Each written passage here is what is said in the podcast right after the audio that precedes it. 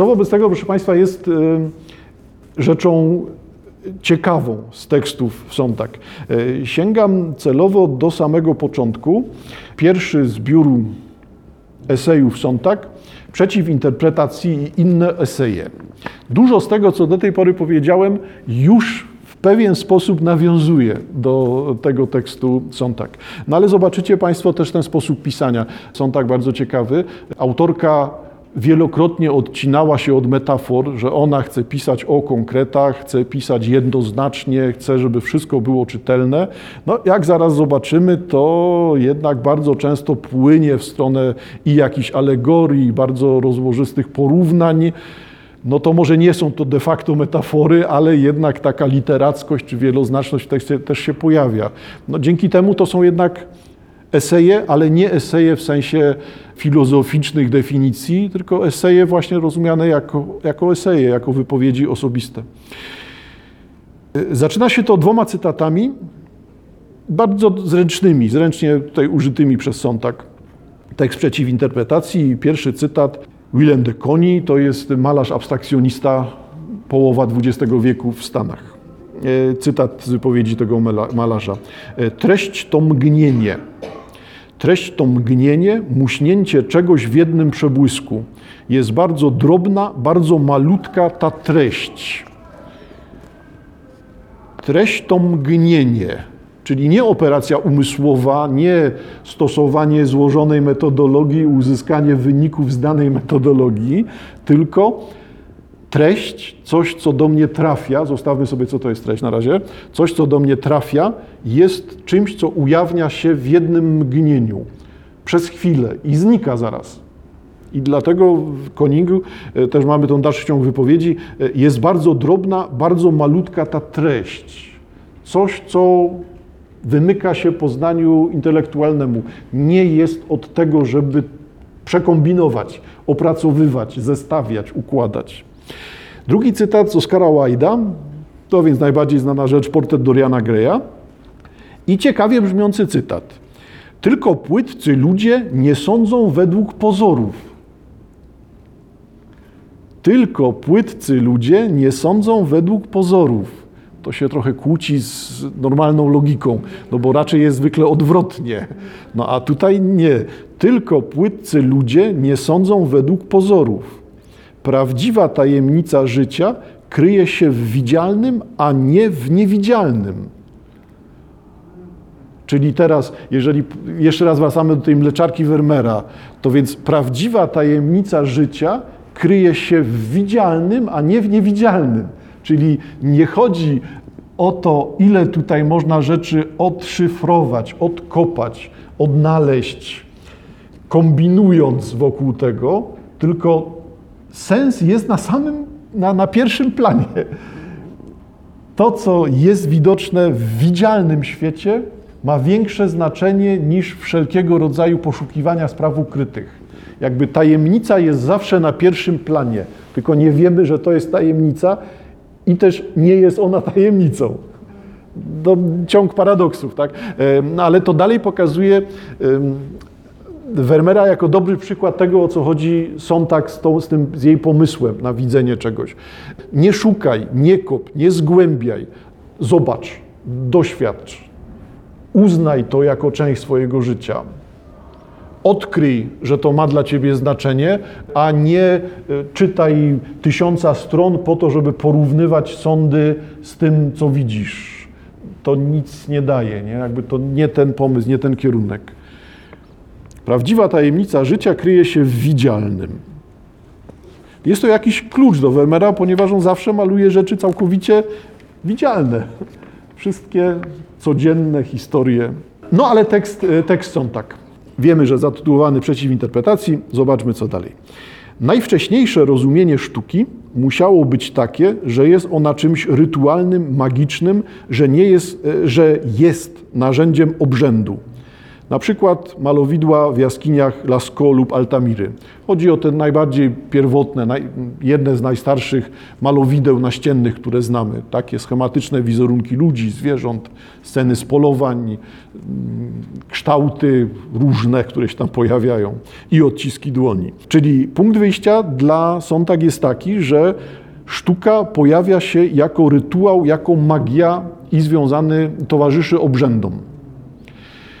Rzeczywiście pomysł na czytanie jaskiń w taki obrzędowy, jest tym pomysłem istniejącym już od kilkudziesięciu lat, czyli pomysłem na to, że chodziło o to, żeby najpierw namalować to zwierzę, po to, żeby dało się ono upolować. Czyli magicznie, rytualnie, obrzędowo zaklinamy, unieruchamiamy zwierzę, na które będziemy polowali, po to, aby to zwierzę stało się naszą zdobyczą. No więc rzeczywiście tak tłumaczona prosta magia. No, może to jest za proste, to teraz powiedziałem, bo może to było po polowaniu malowane, a nie przed i nagle sytuacja się zmienia. Tym niemniej dalej mamy rytuał, magię, obrzęd, jako coś, co sprawia, że pojawia się sztuka. Tutaj jako malowidła, ale też to samo będzie dotyczyło wszelkiego rodzaju tych zaskakujących konstrukcji nam całkowicie obcych, niezrozumiałych dzisiaj, czyli chociażby te świątynie na Malcie, najstarsze w Europie, o których my nie wiemy zupełnie nic. Co to ma być, kto to zrobił, po co to zrobił, a zrobił. Wobec tego dzieło architektoniczne, wznoszenie monumentalnych, z monumentalnych kamieni świątyń e, też byłoby gestem sztuki no, nie byłoby rzeczą potrzebną. Ofiary można składać pod gołym niebem, no a tu jednak pojawia się architektura też jako część magii obrzędu. No to co dalej? Usądek. Najwcześniejsza teoria sztuki, stworzona przez filozofów greckich, mówiła, że sztuka to mimezis, imitacja rzeczywistości. Czyli sztuka zostaje, powstaje po to, żeby naśladować. Sztuka naśladuje rzeczywistość. Jest rzeczywistość i jest sztuka, która ją naśladuje. Widzimy wyraźną zbieżność. Nie ma sztuki poza rzeczywistością.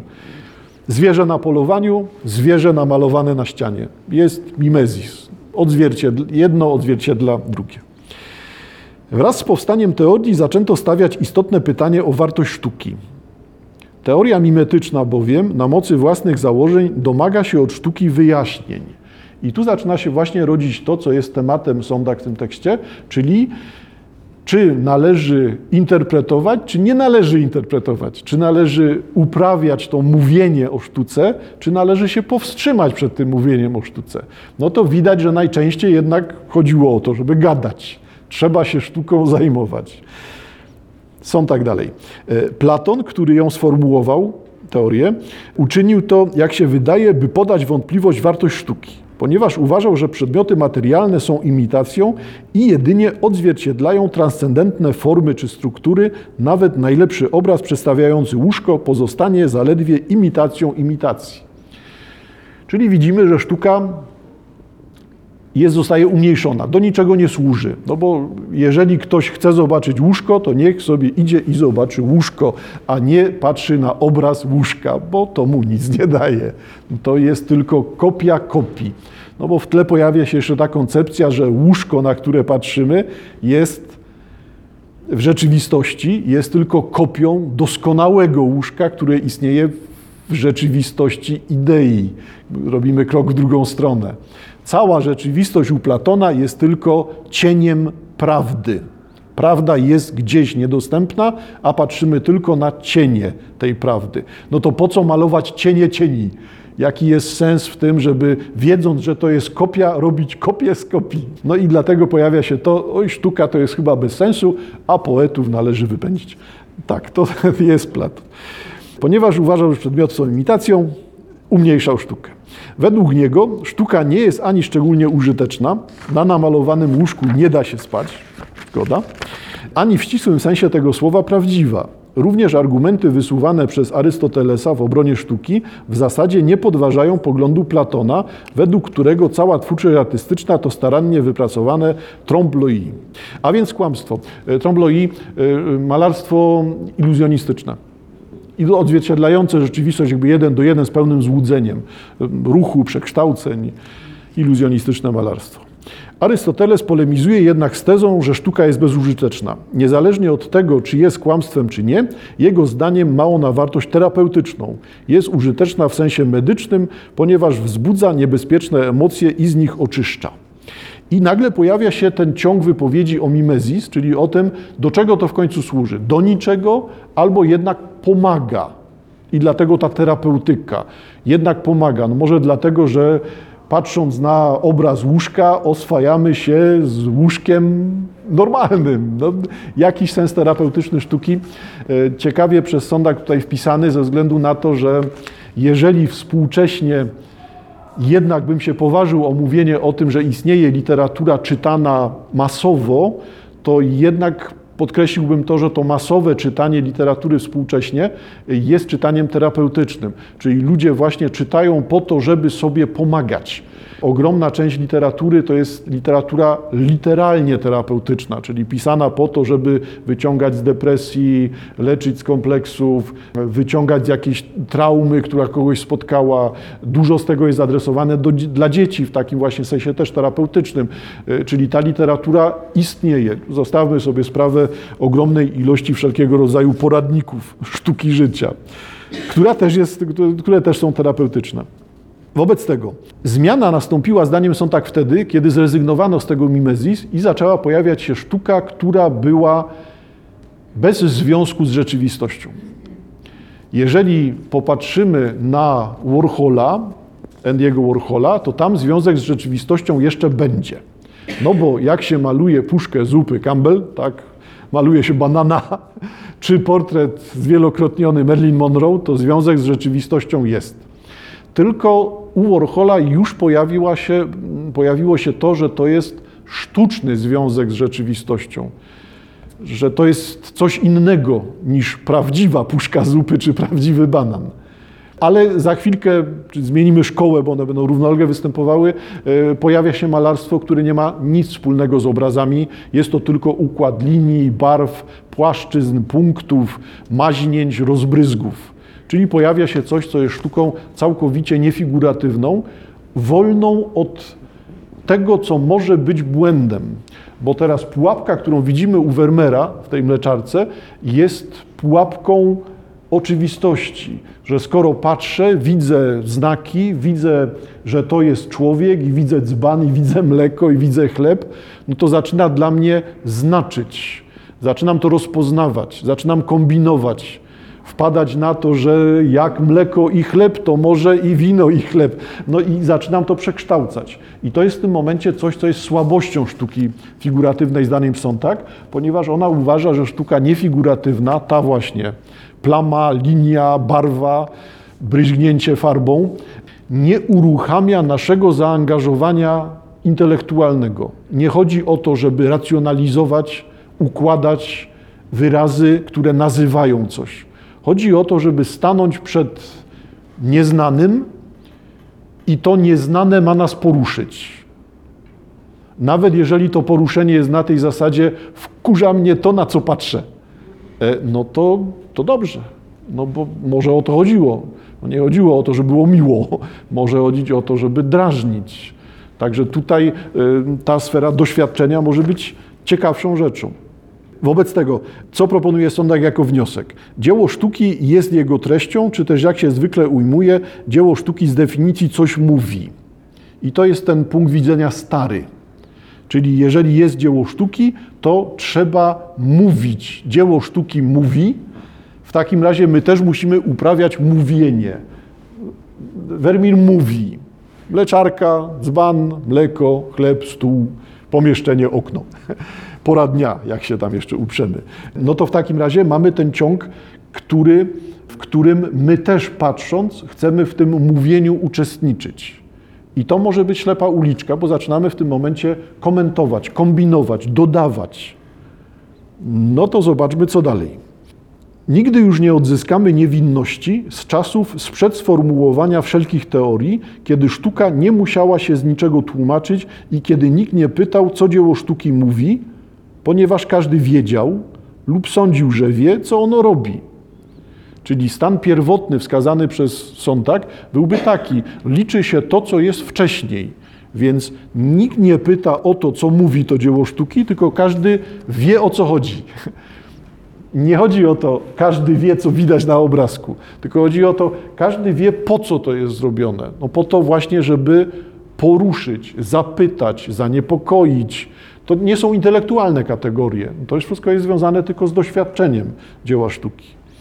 I prawdopodobnie to już nie wróci. No to jest dawny stan.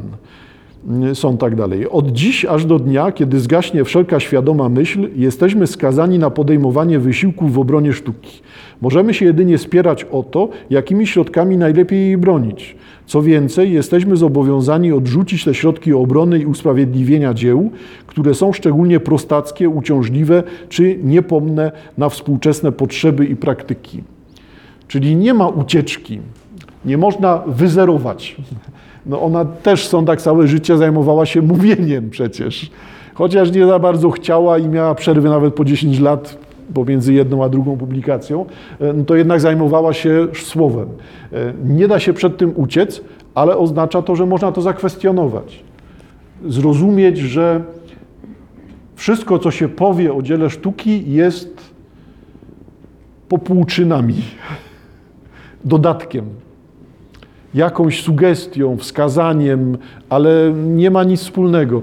Przecież nie chodzi o to, żeby, użyłem już tego wcześniej, nie chodzi o to, żeby przeczytać setki ksiąg, ksiąg o Vermeerze, chodzi o to, żeby zobaczyć najlepiej w oryginale 3, 4, 5 obrazów Vermeera, bo to ma większe znaczenie, więcej bierzemy z tego, bardziej nas to dotyka e, niż stanie się specjalistą od tego, co tam robił Vermeer w danym dniu, w danym roku. Widać, że to może być pułapka. To ta intelektualizacja czy werbalizacja sztuki. Y, są tak. Chociaż współczesne osiągnięcia w wielu dziedzinach sztuki odwodzą nas, zdawałoby się, coraz dalej od przekonania, że o dziele stanowi przede wszystkim jego treść, idea ta wciąż panuje niemal niepodzielnie. I tutaj pojawia się z naszego punktu widzenia jesteśmy, ile tu już jesteśmy? 50 lat później, 60 lat później, rany. Jesteśmy 60 lat później, tekst 64 roku ta dyskusja pomiędzy treścią a formą w zasadzie już nie istnieje. Nikt na poważnie się tym współcześnie nie zajmuje, natomiast w tym momencie, połowa XX wieku, jeszcze ta dyskusja trwa. Czy można dokonać zróżnicowania między treścią a formą? Czy jest coś takiego jak treść obrazu Vermeera, mleczarka, dzban, mleko, chleb, stół y, i forma, czyli w jaki sposób zostało to opracowane. No bo mogło to być e, z góry, z dołu, z tyłu, z, z widok z okna do środka, wykonane w ołówku, namalowane, naszkicowane węglem i tak dalej. Nie? I to jest w tym momencie formalne rozwiązanie. No to czy istnieje różnica między treścią a formą? Współcześnie już to należy do przeszłości. Rzeczywiście wszyscy z automatu uważają, że nie można odróżniać treści od formy bo nie jesteśmy w stanie pokazać granicy między treścią a formą. Jeżeli tutaj byłaby pusta ściana, no to to jest treść czy forma? I zaczyna się troszkę dziwnie czuć odbiorca. Wobec tego no nie ma po prostu w dziele sztuki granicy między treścią a formą, to jest to samo. Jest jedno dzieło sztuki. E, mamy materialne dzieło sztuki i ewentualnie, nie wiem, słowa, komentarz, rozumienia, zgoda, ale w rzeczywistości dalej treść i forma jest tym samym. Forma kształtuje treść, treść wpływa na formę. Nie jesteśmy w stanie oddzielić, odsiać, pokazać samej treści bez formy albo samej formy bez treści.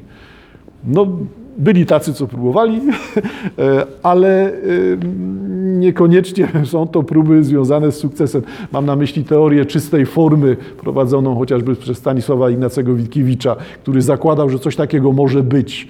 Czysto formalne oddziaływanie. No ale jak zobaczymy obrazy Witkacego, to okazuje się, że, że one mają treść. Wobec tego, gdzie jest ta różnica? No, jeszcze nie ten moment. Może to się zmieniać dopiero później. No to co są tak? Moim zdaniem dzieje się tak, ponieważ obecnie występuje, treść forma, e, występuje ona pod postacią specyficznego traktowania dzieł sztuki, głęboko wpisanego w świadomość większości ludzi podchodzących do wszelkiej twórczości artystycznej z, z powagą. Skutkiem zbyt mocnego podkreślania roli treści, czyli co widać na obrazku, Skutkiem zbyt mocnego podkreślania roli treści jest nieustanne, nigdy nieukończone przedsięwzięcie interpretacji. I vice versa. Nawyk obcowania z utworem po to, by go zinterpretować, podtrzymuje iluzję, że rzeczywiście istnieje coś takiego jak treść dzieła sztuki. Dlatego, że chcemy mówić o tym, co jest na obrazie Vermeera, docieramy do tego, że potrzebna nam jest treść tego obrazu. Podejmując interpretację tego obrazu, mówimy o treści tego obrazu. No bo to jest coś, co możemy zwerbalizować. Kolor, układ światła, nazwać. No, tylko my w tym momencie dalej uczestniczymy, zanim są tak właśnie w tym rozdzielaniu. Oddzielaniu treści od, od formy. Są tak dalej. Rzecz jasna, nie mam zamiaru, e, nie mam na myśli interpretacji w najszerszym tego słowa rozumieniu, które przyjmował Nietzsche, słusznie przyjmował, są tak to dopisuje, e, twierdząc, że nie ma faktów, są tylko interpretacje. Czyli to jest ten niczański taki pogląd, że my nie jesteśmy w stanie, teraz nam wyjdzie, że podobny do Platona, nie jesteśmy w stanie docierać do czystych, gołych, surowych faktów My mamy tylko do czynienia zawsze z komentarzem. To, na ile mnie boli, istnieje tylko wtedy, gdy potrafię powiedzieć, jak mnie boli. Komentarz panuje nad faktem. Czy istnieje ból, który jest całkowicie nienazwany? No, zapewne tak, ale jeżeli to jest ten ludzki ból, to on musi jednak być artykułowany. Niekoniecznie w sensie opowieści, tylko musi mieć jakiś wyraz musi zaistnieć. A czy to jest płacz, zgrzytanie zębów, wycie, czy opowiadanie o tym, jak bardzo mnie boli, no to jest właśnie to, o co tutaj chodziło. Nie ma faktów, są tylko interpretacje. No bo zdaniem tak rozumianego niczeanizmu docieramy do tego, że są tylko słowa. Człowiek bez języka przestaje być człowiekiem. Jak człowiek nie ma słów, to to czym się różni od zwierzęcia. Nie? I to jest znowu taka klasyczna rzecz, tylko jak widać, to już ma setki lat. Tak? Nie ma w tym nic odkrywczego. Wobec tego odrzucamy to niczeańskie rozumienie i Sontak proponuje inny punkt widzenia. Przez interpretację rozumiem tu świadome działanie umysłu, w którym odzwierciedla się pewien kod, pewne reguły interpretacji. Czyli ona jednak w tym momencie uznaje, że istnieje interpretacja, i gdybym był tylko mahometaninem, to nie widziałbym tutaj reali, reali, realiów związanych z ostatnią wieczerzą, bo bym nie miał tego skojarzenia. Czyli w takim razie istnieje odzwierciedlenie. Odbiorca rozumie reguły, odbiorca ma w sobie reguły, kody i będzie je starał się dopasowywać. Przez interpretację rozumiem tu świadome działanie umysłu, w którym odzwierciedla się pewien kod, pewne reguły interpretacji. Mam kod, mam reguły, mam skojarzenia, potrafię to przeczytać, zrozumieć. I rzeczywiście, jak się patrzy w ten sposób, jeszcze raz Wermer, tak, mleczarka, no to tutaj najwięcej publikacji dotyczy społeczeństwa niderlandzkiego w XVII wieku. Zróżnicowanie, stan społeczny, role społeczne, obowiązki. To jest przecież złoty wiek dla nich, to jest moment rozwoju, rozkwitu, bogactwa, takiego ideału wręcz tej części kultury europejskiej. No, złotego wieku, jak wspominałem wcześniej. Wobec tego takich opracowań jest tutaj najwięcej. Takich, które wykorzystują wiedzę historyczną, encyklopedyczną, ekonomiczną, socjologię i układają to w ten wzór, to jest czysty realizm. Tak to było. Ludzie pewni siebie, swoich osiągnięć, protestancka etyka pracy. Nie wiem, czy to Państwo tak kojarzycie w pierwszym odruchu. Należy być skromnym, opanowanym, umiarkowanym, robić swoje wytrwale, Świat nie będzie cudowny nigdy, bo nie ma być taki. Po prostu mocny protestancki światopogląd, który może jest i przyziemny, ciężki, czy też lekko grubawy, tak nieładnie mówiąc, e, ale jednocześnie jest namacalny, wyrazisty, obecny. No, czyli ten komentarz taki interpretatorów wygląda na komentarz no, wskazany. No tak, ale co zrobić z ludźmi, którzy nie będą wiedzieli, co to są Niderlandy i nie będą znali historii tej części Europy w XVII wieku i będą widzieli tutaj tylko kobietę w dziwnym nakryciu głowy, która przelewa coś białego, pewnie mleko. Zakładam, że tyle przynajmniej współcześnie wiadomo, że to chyba mleko. Czyli takie metody interpretacyjne są możliwe. Tylko czy o to chodzi? Czy dalej to ma na tym polegać? Jeżeli tak na to popatrzymy, to się nagle okazuje, że to jest e, odhaczanie, łączenie elementów. E, To mam w głowie, to mi pasuje. Mam, pasuje. Nauczyłem się, przeczytałem historię Europy, pasuje mi. Nie? Czyli to jest jakby łączenie, bezpośrednie zaczepianie z sobą tych rzeczy. No to jaki to ma sens? No, daje się, że żaden. No bo jeżeli ja to już mam, to ten obraz nic mi nie daje. On tylko pokazuje odbicie, odzwierciedlenie, możliwość kopiowania elementów. No to w takim razie y, na czym polega zmiana, przejście? No bo jeżeli popatrzymy na to tak surowo, no to będzie brzmiało też język bliski matematyki Wilson tak. W odniesieniu do sztuki interpretacja polega na wydobyciu z dzieła zbioru elementów, jakichś x, y, z. Interpretacja to de facto przekład. Interpretator mówi: spójrz, nie widzisz, że x to tak naprawdę jest, albo tak naprawdę znaczy a, że y to tak naprawdę b, że z to w rzeczywistości c, czyli dokonany jest ten ciąg dopasowania, przyłożenia. Nie? Sprawdzamy, czy to ma odbicie, to co mamy w głowie. Co są tak dalej? Co mogło dać impuls do tego osobliwego przedsięwzięcia przekształcania tekstu? Historia dostarcza nam dość materiałów, by odpowiedzieć na to pytanie.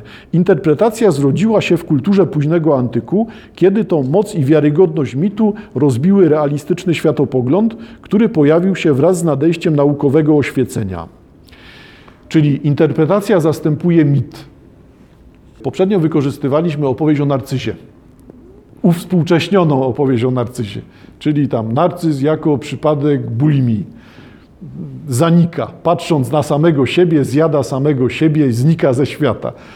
Punktem wyjścia był mit, ale interpretacja do tego dołożona była już interpretacją współczesną. Jak odrzucimy interpretację, to dalej pozostaje pewne doświadczenie mityczne, którego nie musimy komentować. Nie musimy dokładać tej interpretacji. Opowieść o wojnach między bogami nie musi być przez nas interpretowana, że ludzie nauczyli się od bogów prowadzenia wojen i dalej się zabijają do dnia dzisiejszego. Nie musimy tego robić. Możemy zobaczyć ten mityczny początek i nie komentować go. Czy opowieść o stworzeniu świata wymaga tego, aby wyjaśniać, że Bóg nie stworzył świata przez siedem dni, tylko tam tworzył etapami i trwało to miliony lat? Czy musimy to robić? Nie. No bo liczy się sama ta opowieść o charakterze mitycznym. Ona jest pierwsza, nie musimy jej komentować, wyjaśniać. Czyli pierwotnie mit funkcjonował bez komentarza. Wszyscy wiedzieli, do czego służy, i wszyscy akceptowali go w całości, i nikt nie kombinował, czy narcyz jest bulimikiem, bo to już jest sztuka interpretacji. Pytanie, czy zasadna.